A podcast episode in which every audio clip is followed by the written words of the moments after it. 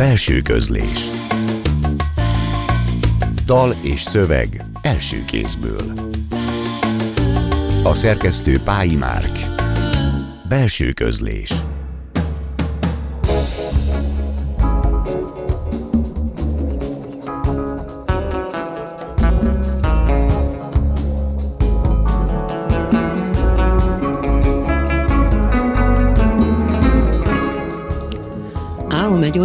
nyelvi lézer, amely a hajdan volt valóságba vág, és amely kioldja és átjárja a dolgok sugárzását, olyan szóról álmodom, amely a világ világának kezdetén létezett, lebegett, a sötéten is elválasztotta a fénytől a vizeket, írja Nem szavak című versében Nikita Stanescu. A zene hallgat, írja Thor Ulven, talált magának valami némát két költő, két pontja Európának, két nagyon más munkásság, időben éppen, hogy összér az ő ö, alkotói időszakuk, két más világba születtek, két más világban alkottak, mégis nagyon sok a közös bennük. A belső közlés mai vendégei műfordítók, műfordítók is, és ma Tor Ulven és a román, tehát a norvég Tor Ulven és a román Nikita Stanisku magyar fordítóival, Kis Zsusánnával és Vajna Ádámmal beszélgettünk a két költőről, fordításokról, egy nyugati és egy keleti világról, meg nagyon sok mindenről. Tartsanak velünk, én Martonéva vagyok. thank you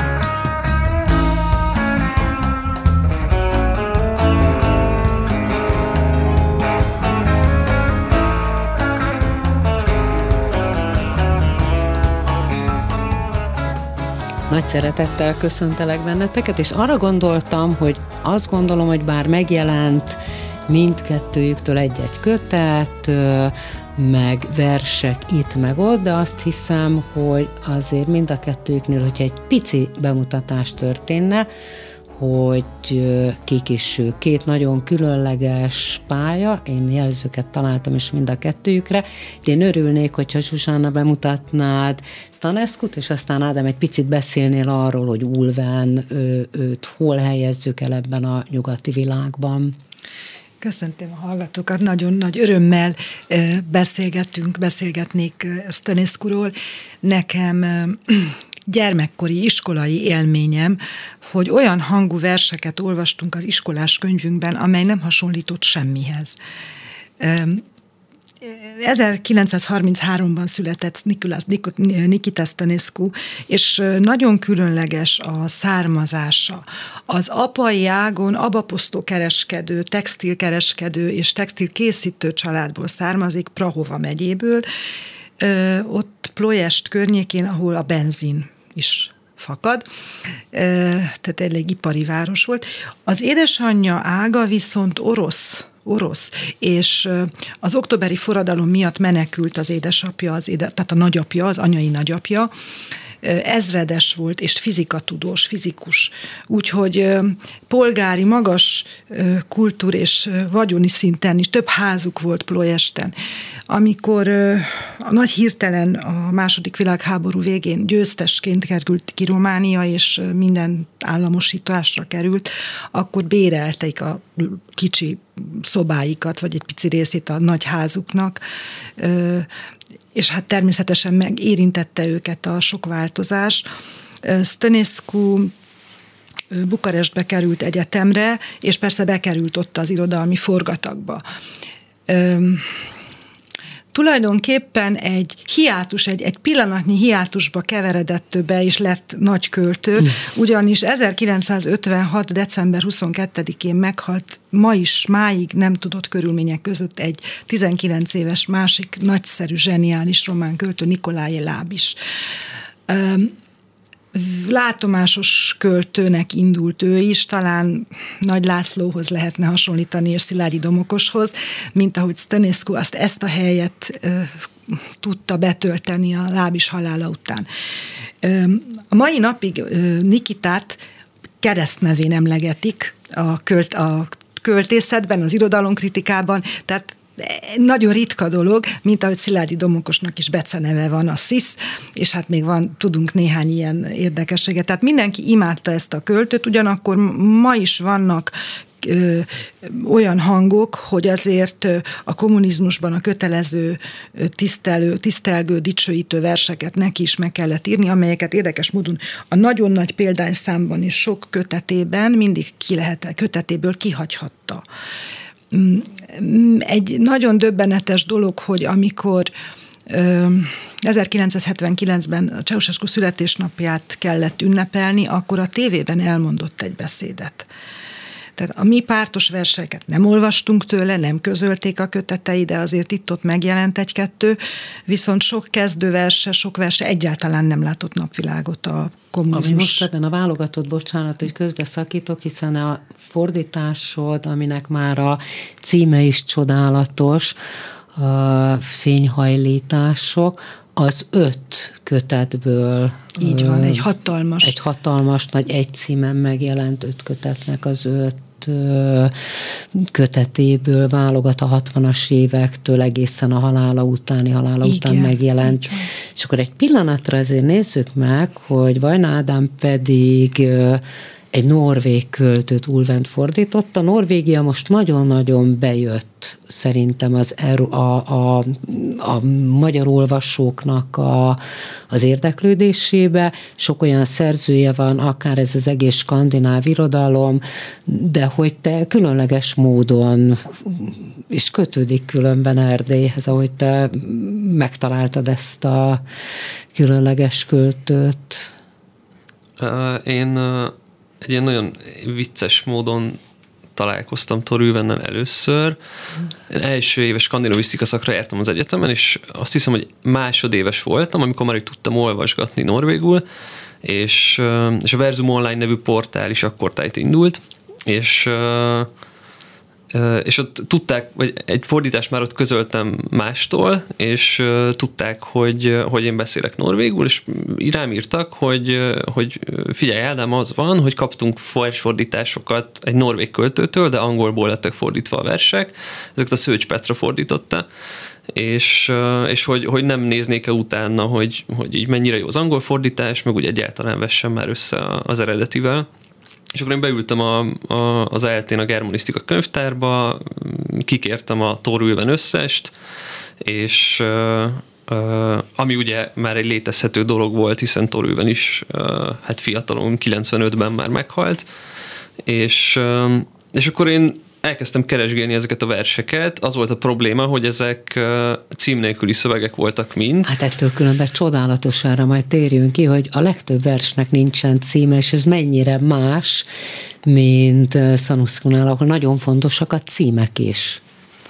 Igen, igen, itt hát amúgy egyébként én is, én is nagyon szeretem, és emiatt például akár ez a, a legtöbb torúven kötet, meg az ami, az, ami megjelent magyarul, a türelem is olvasható, akár egyetlen hosszú versként is de hogy amikor az embernek elő kell kotorni a 600 oldalas Torülven összesből verseket úgy, hogy nincs, nem tudja a norvég első sort, csak a magyart, meg igazából az angolt, akkor az egy elég hosszú folyamat, és és ez igazából ez a folyamat abban csúcsosodott ki, hogy én ott ültem a könyvtárban, és így rájöttem egy pár óra alatt, hogy ez az egyik legjobb költő, akit valaha olvastam és, és akkor onnantól elkezdtem én is fordítani, meg, meg foglalkozni vele, és ennek lett aztán a, a végpontja ez a, ez a kötet.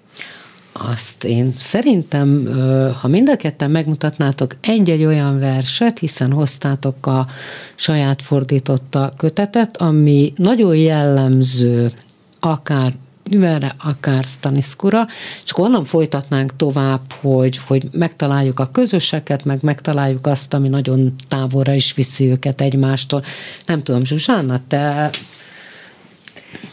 én a kronológiát fontosnak találom, úgyhogy akkor az első verset, amit, amelyet választottam. Mert hogy úgy is van szerkesztve a kötet, Igen. hogy egy-két kivétellel nagyon szépen kronológikusan ez ki is adja az ő, ő életét, és nem Igen. csak a, a, tehát azért volt fontos megtartani kronológikusan, hogy az öt kötete is kronológikusan halad, mert azt megmutat nem csak egy alkotástörténetet, hanem egy, egy életet is. Nagyon jó a kérdés. Az alkotástörténetet és a kiadástörténetet történetet, azt, hogy egy csomó korai verse nem került közlésre, csak 92-ben, és a nagy kötet az, amiről beszélünk, az 2005-ös, és kiadja az, azt is, hogy hogyan Ez változott.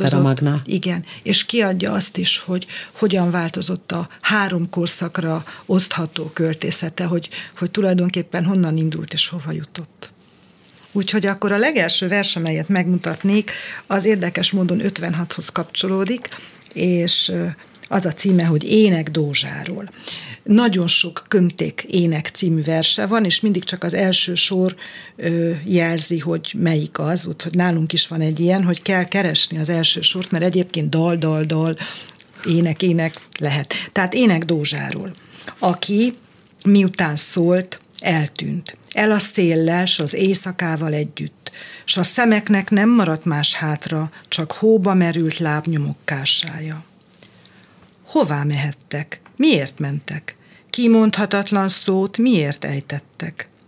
Messze alattunk barna szén, kőszén és antracit között nyög a nagy göncöl hét csillaga, összetört.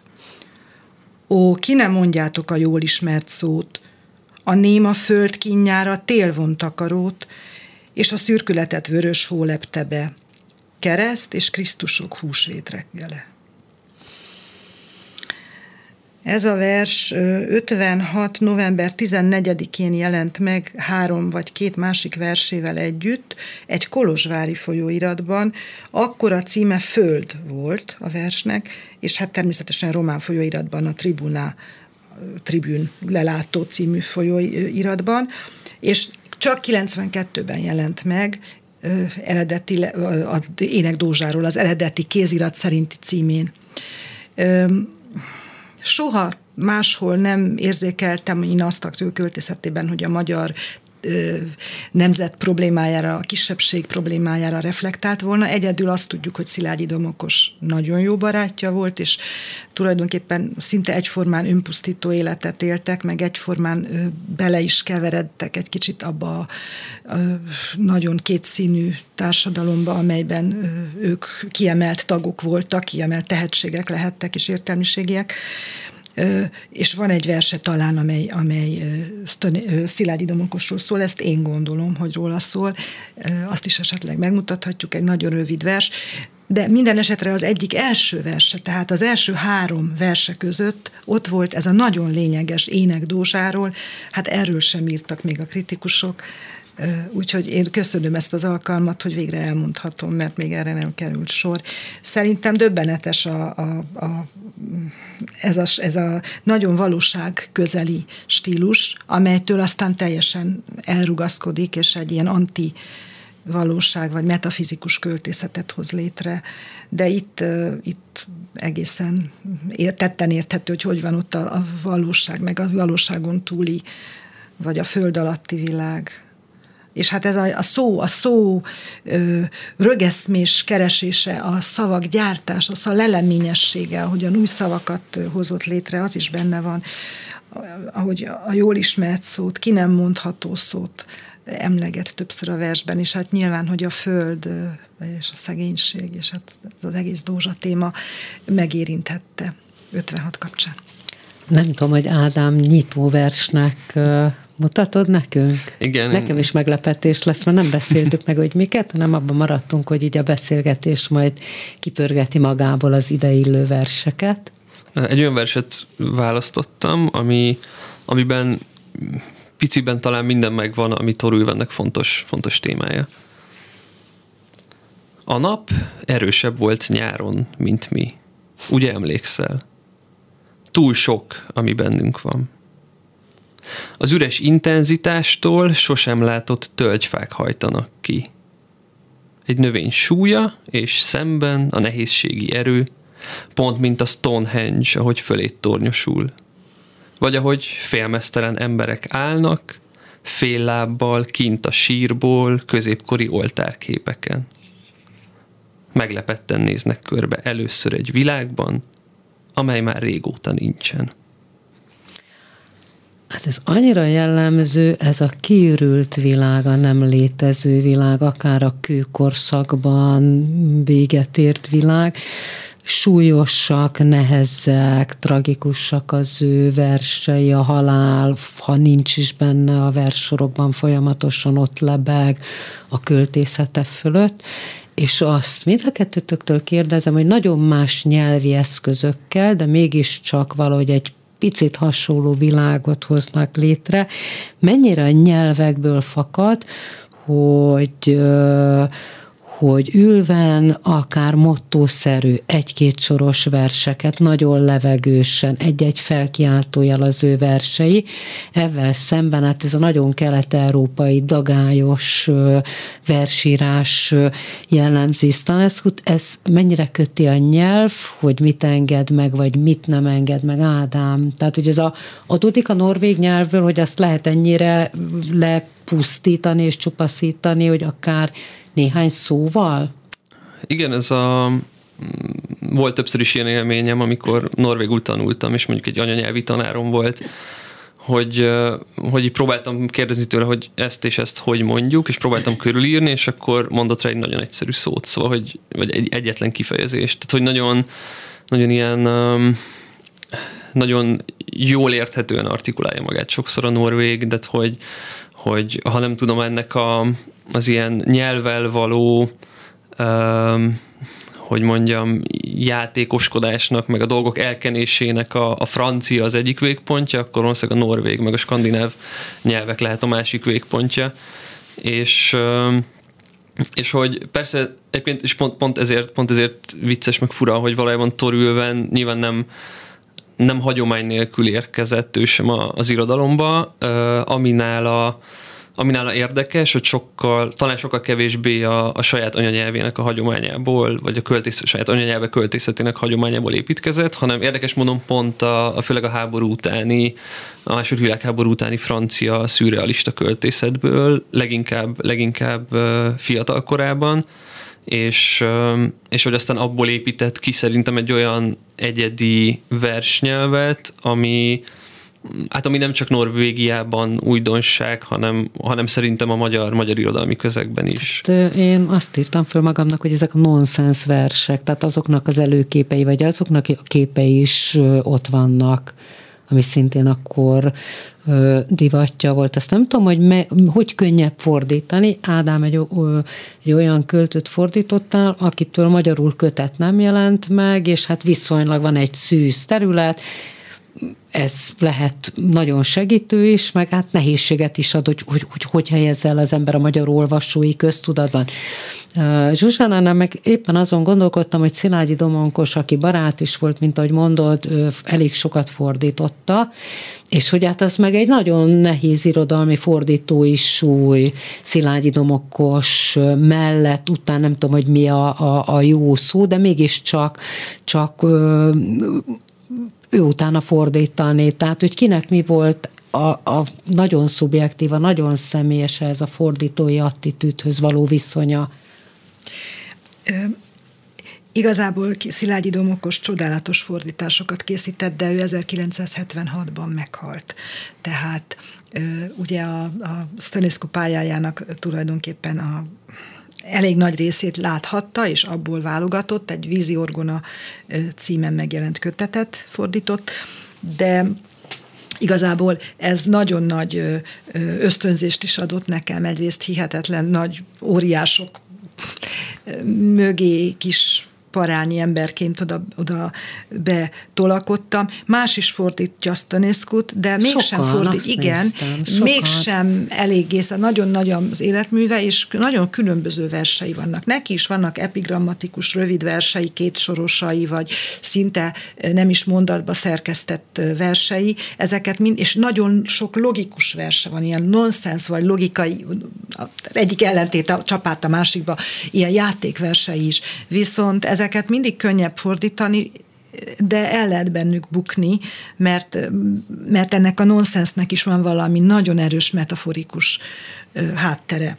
Viszont a Stanescu visszatérve az előbbi kérdésedre, Stanescu költészete nagyon is a, a román folklór hagyományból is jön, és a román költészet dallamossága egy flektáló nyelvnek, ugye a román, latin nyelv, neolatin nyelv abszolút flektáló nyelv, és hát hajlítható, ragozható, ő még ráadásul leleményes új szavakat is gyárt, egy nagy ritmikai, prozódiai, rímes formák kal is gazdálkodik, és hát ebből alakít ki sajátos dolgokat, de aztán letisztul a költészete.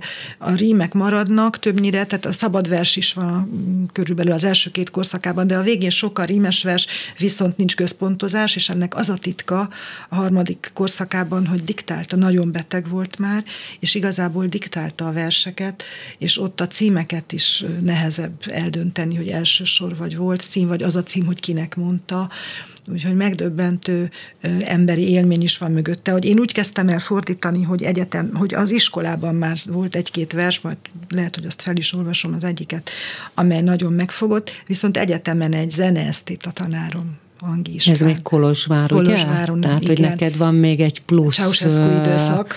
Ceausescu időszak saját vége. Élmény. 85, tehát már halott Stanescu Pilinszki is, mint az alatt, ott egymás után Ilyes Gyula sokan ö, mentek el, és úgy emlékszem, hogy na, azt a napra is, hogy azt mondta az zenesztétika tanárom, hogy neked Zsuzsi ezt, ezt a költőt ajánlom, hogy fordítsad. És hát tulajdonképpen, amikor Magyarországra kutatni jöttem meg tanulni, akkor a honvágyam egyik megnyilvánulása volt, hogy ezt a Stanescu, az akkor megjelent Stanescu kötetet mindig magammal hoztam, és ahol egy kis szabadidőm volt. Hát azért ez egy nagyon nehéz hazai súly miatt cipeltél magadon.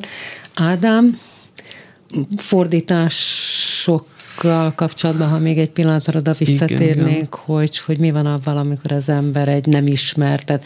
Tehát, hogy talán egy román költőt könnyebb elhelyezni abban a az irodalmi nyelvi ismeretünkben, amit ismerünk, mint azt a norvég költőt, aki bár kezd ismerős lenni, de nagyon messzi a táj, filmélményeink lehetnek, talán a zene köthet minket, irodalomból a dráma köt oda, tehát vannak kapcsolódásaink, de, de egyel, egyel nagyobb kapcsolódási pont vagy távolság lehet, mint, igen, igen. Egyébként az az érdekes, hogy mivel félig erdélyi vagyok, valószínűleg a Stönescu hozzám is, az világa hozzám is sokkal közelebb áll, mint, mint Torülven világa.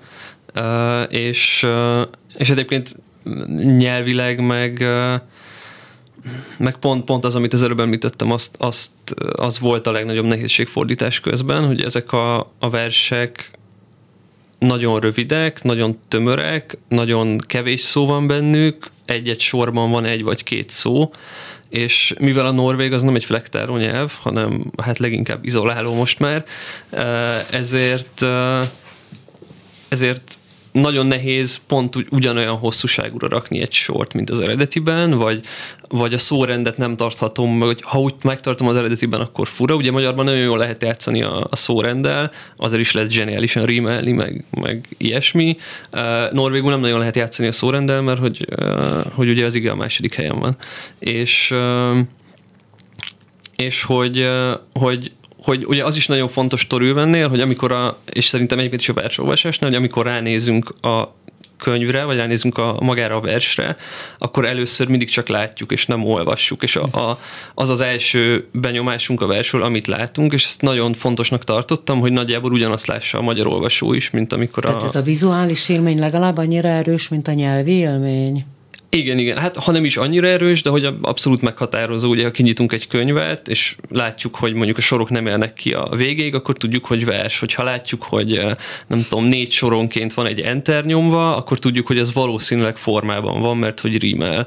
És, és ez, a, ez az én első benyomás a versről, hogy mit várunk tőle az alapján, amit látunk az, az szerintem meghatározza az olvasás élményt, és hát így nem volt könnyű a hosszú, meg agyonragozott magyar szavakkal ugyanazt megcsinálni, mint amit a norvég nyelv. Szerintem mutattok megint egy-egy verset, ami Bocsánat, ami... csak annyit jegyeznék meg erre az érdekességre, amit mondtál a vizuális megjelenésére, hogy Stanescu verseit 1980-ban egy, egy akkor fiatal, de azért már híres vagy támogatott rock énekes csapat, egy román csapat megzenésítette. Tehát ő, őnek, neki pedig a megzenésített forma is adott szárnyakat, úgymond, szóval népszerű volt ettől. Persze lázadás volt benne. Azért. Hát a, a zene Torülvennél is nagyon fontos. Uh, ugye itt ebben a kötetben az utolsó ciklus az a, az Anton Webernek a, a zenéjére íródott, és csak hát ugyanáll pontosan az a, a zenében is az, az érdekli őt, amilyen szaggatott, ami, ami, ami nem, nem harmonikus. Akkor én felolvasok ebből az Anton Webern uh, Úgyis majd erről a diszharmóniáról szeretnék majd veletek beszélni a versek után, hogy kinek mi volt az ő nem komfortosa. Itt ez, a, ez egy ciklus, és itt a, az én feltevésem szerint a, a leg, nagyon sokszor a maga a barlang beszél, ami nagyon érdekesen dehumanizálja a, a beszélőt. A barlang zenekar belekezd a nagy várakozásba. A hangszerek áttetsző, csillogó mészvízből készültek. Fehérek, mint az anyatej, amit a neandervöldi csecsemő ivott. Hogy te hallgathass.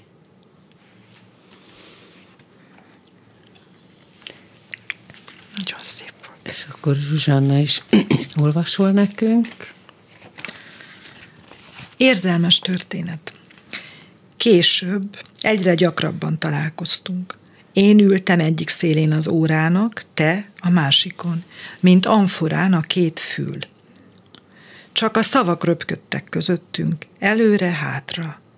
Örvénylésük szinte látható volt, és egyszer csak térdre ereszkedtem, könyökön belefúrtam a földbe, hogy jobban lássam, amint meghajlik a fű egy-egy lezuhanó szósúlya alatt, akár csak egy vágtató oroszlán talpától. A szavak keringtek, forogtak közöttünk előre-hátra, s ahogyan egyre jobban megszerettelek, szinte látható örvénylésben testé lett, ami kezdetben ige volt. Köszönöm szépen Kis Zsuzsanna és Vajna Ádámi fordítók a mai belső közlés vendége is, két különböző is, meg hasonló is költőről beszélünk, ami én összehoznék még bennük, vagy kérdezném is, hogy két nagyon nehéz sorsról beszélünk. Szaneszkónak, amit említettél, volt ez a politikai nyomás és a Ceausescu diktatúrának a levegőtlenségében, a verseiben is van ez a levegőtlenség. Ülven ő maga egy saját számüzetésben menekül, mind a kettő önsorsrontó, az egyiküket az alkohol egy kicsit lassabban öli meg, mint ülve majd öngyilkosságban menekül, de mind a kettőnknek van, ha én ezt jól érzékeltem egy-egy kötetből, meg néhány versekből egy nagyon furcsa saját univerzuma, és mindenkinek a szabadság belül vagy kívül, meg a menekülés belül vagy kívül, az egy nagyon erős sajátja, hogy ezt valahogy tükröztetnétek-e, hogy hogy, hogy van ülvennél a szabadság kérdése, aki szinte ki sem mozdult ebben a nagy szabadságával, a saját fogságába zárt szobájából, és mi van a szabadság vágy egy bezárt országban? Hát ülven, ülvennek mindenféle pszichés problémái, problémákkal küzdött élete során, és, és valójában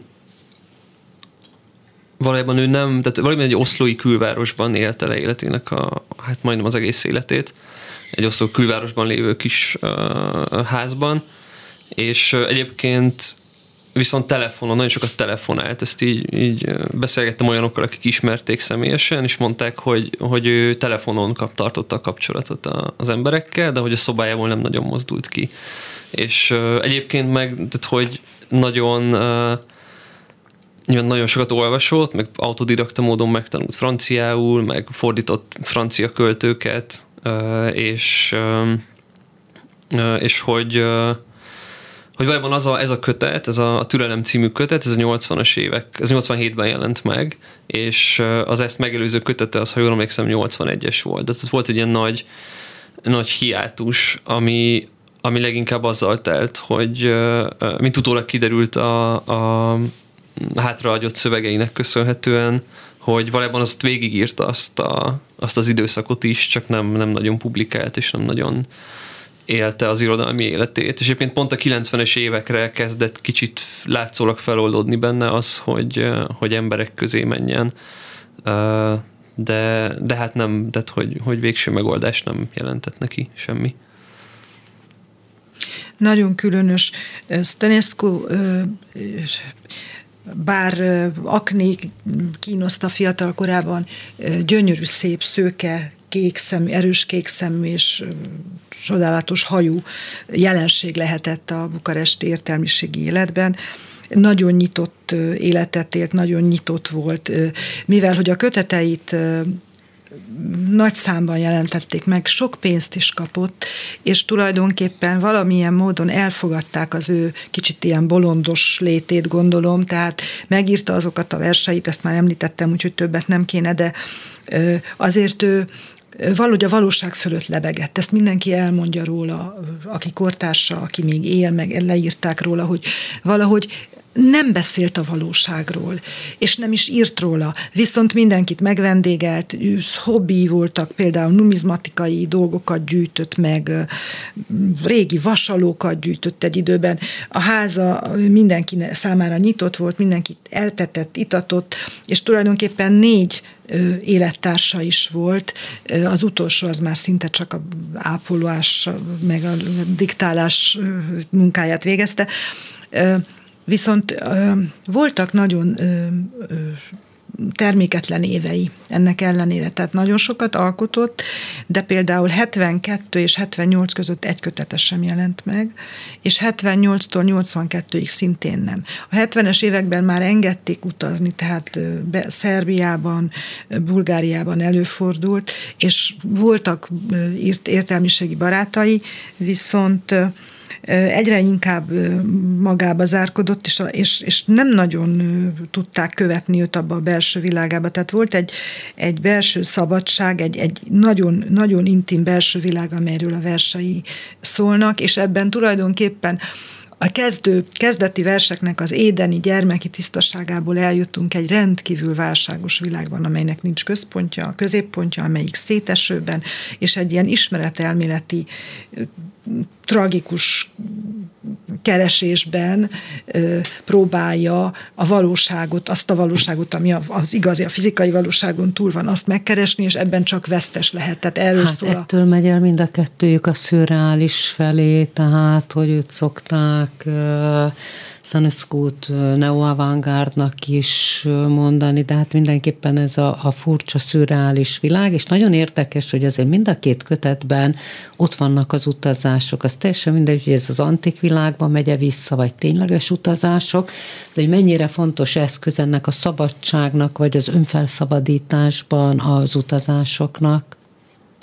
Hát ővennél nagyon sokszor ezek időben is utazások. Tehát de amikor a kelta kőszobrokról beszél, akkor, akkor az, azok a kelta kőszobrok neki nem azt jelentik, hogy elmegy turistaként és látja őket, hanem pont azt jelentik, hogy vagyis hát valójában részben pont azt jelentik, mert abban a versben pont arról van szó, hogy, hogy valójában a kelta kőszobrok vannak, és mi nem vagyunk szinte, hogy mi nem leszünk, ők lesznek, mi nem leszünk.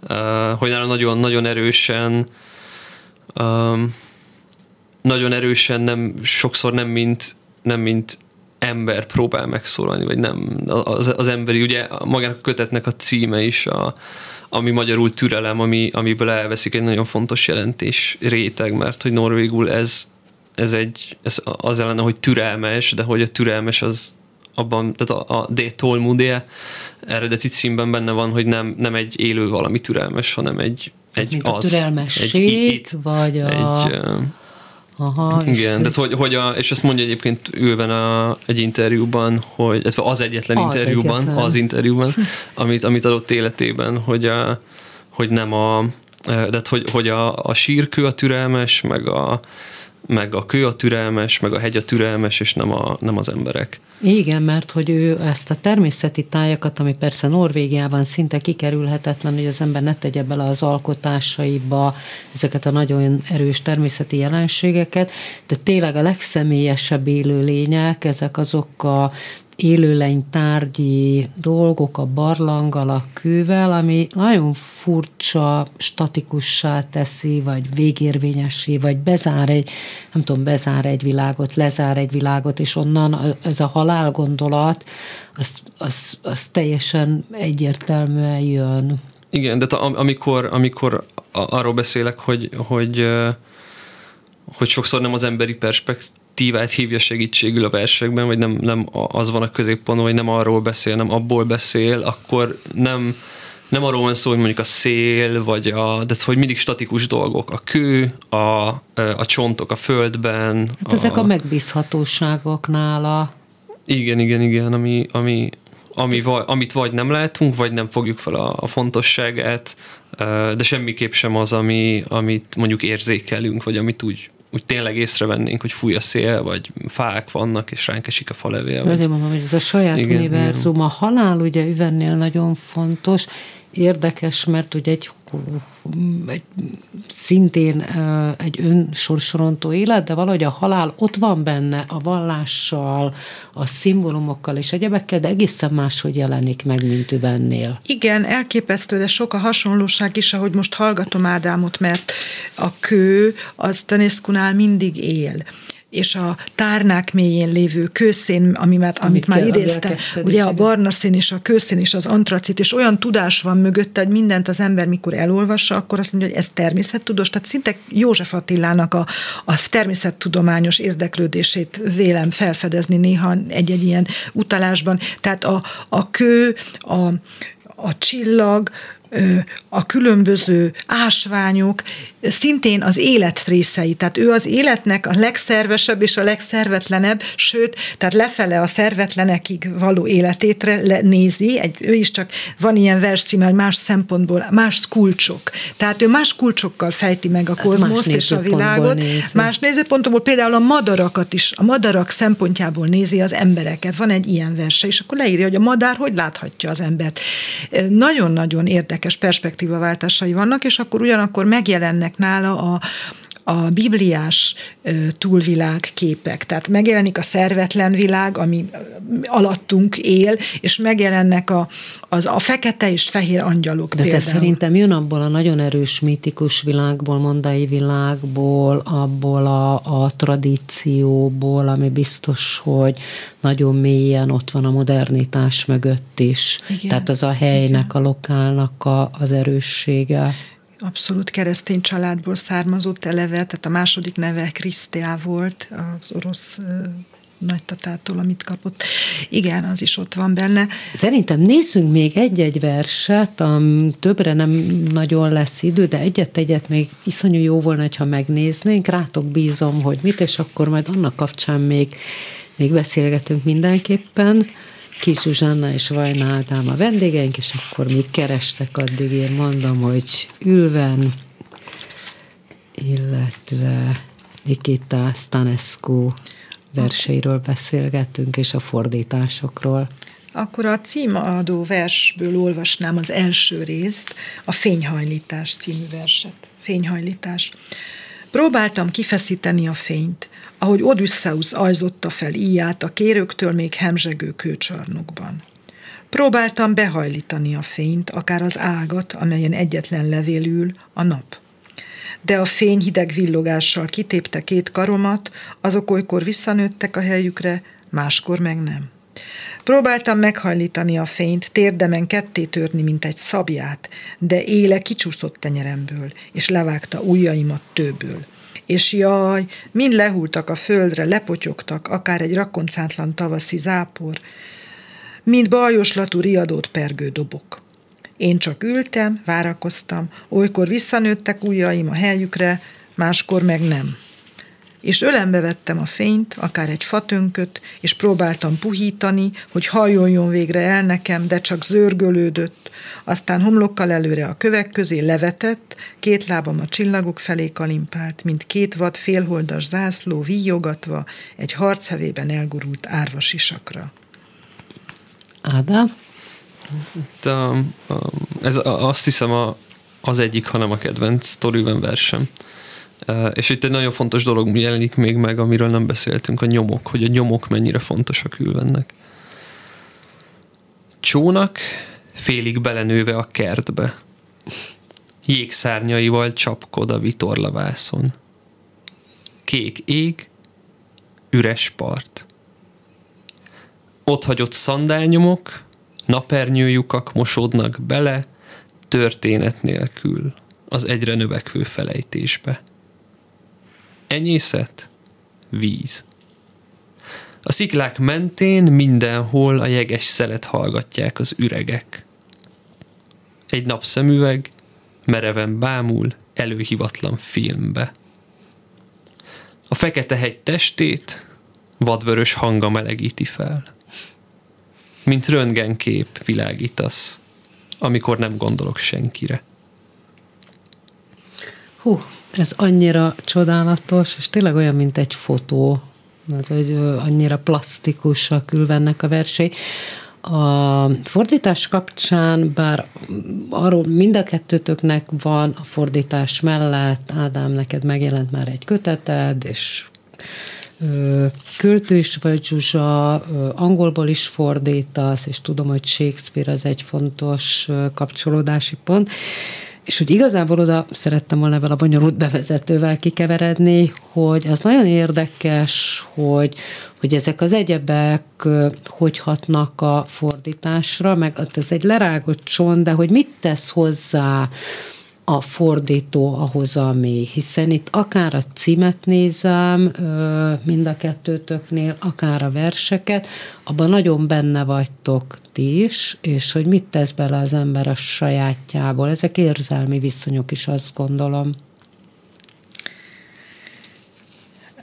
Hát igen, én is írtam verseket, vagy hát van sok versem, de nem közlöm őket, mert úgy érzem, hogy vannak fontosabb közlendők, amelyeket tolmácsolni jobban tudok, tehát lehet, hogy ez egy gyakorlás az én versírásom, a gyakorlás ahhoz, hogy tolmácsolni tudjak mást. Mindig olyan költőket fordítok, akik tényleg olyasmit mondanak, amelyet, amit más, más, más még nem mondott, tehát nagyon el, el egyéni dolgokat lehet felfedezni. Szerintem a műfordítás az nagyon alázatos munka, de Nyilván az ember át kell mossa magát azzal a tartalommal, és akkor ezáltal meg tudja hitelesen szólaltatni. A, hogy, hogy, hogy hat rám a egyéb munkám, hát természetesen minden a kutatás, vagy az írás, vagy a tudományos munka, meg a tanítás mind különböző, de a műfordítás is egyfajta értelmezés, egyfajta világlátás, és van benne egy nagy kockázat, mert szétbontok valamit, ami már létezik, és azt és annak újra, új... Ez újra összeszerelés, vagy az újra, az ben... Ha, természetesen. Nagyon fontos, hogy egy új nyelvet kell neki, egy új nyelvi otthont kell teremteni. Kitépem az otthonából, és egy új nyelvi otthont kell neki adnom, és egy új közösség, egy új kultúra otthonát. Tehát ez elég nagy dolog, olyan, mint a híd két lába, és ez egy oda-vissza játék, tehát ö, nagy kihívás. Igen, ez a, a, hogy újra össze kell rakni, ez teljesen, teljesen így van, de hogy a hogy, hogy egyszerűen gyakorlatilag én mindig azt érzem, amikor, amikor fordítok, főleg verset, hogy, hogy kicsit meggyilkolom az eredeti szöveget azzal, amikor csak úgy leírom a, a, az első nyers fordítást, meg azzal, hogy elkezdem akkor szétszálazni, hogy mi mivel lehet összefüggésben, vagy melyik szót hogy lehetne máshogy mondani, szóval egyszerűen, egyszerűen szétszedem az eredetit, és aztán abból próbálok valamit összerakni, ami, amiről tudom, hogy nem lehet ugyanaz, mint az eredeti, mert hogy egy teljesen másik kulturális közegben, meg egy másik nyelvben kell, kell megállja a helyét. És, és ez egy, ez egy nagyon-nagyon izgalmas játék, meg én nagyon, nagyon szerettem ezt csinálni. És,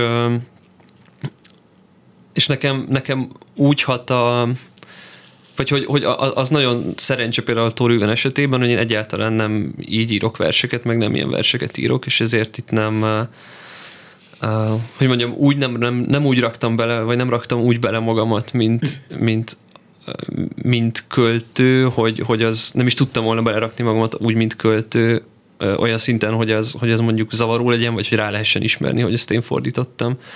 Mert teljesen más, hogy írok.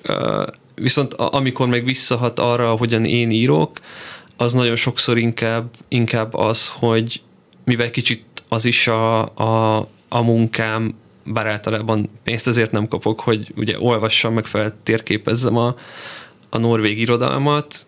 Ezért nagyon sok olyasmit olvasok, ami, amit a legtöbb magyar költő nem olvas, mert, mert mondjuk nem tud norvégul.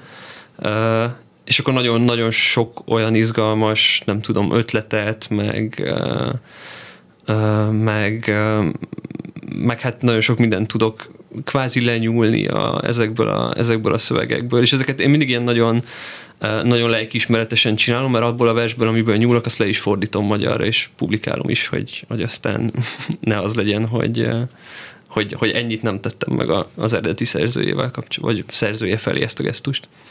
Ja, hát ez néha több is, mint gesztus, de hát ez egy nagyon erős kötelék különben.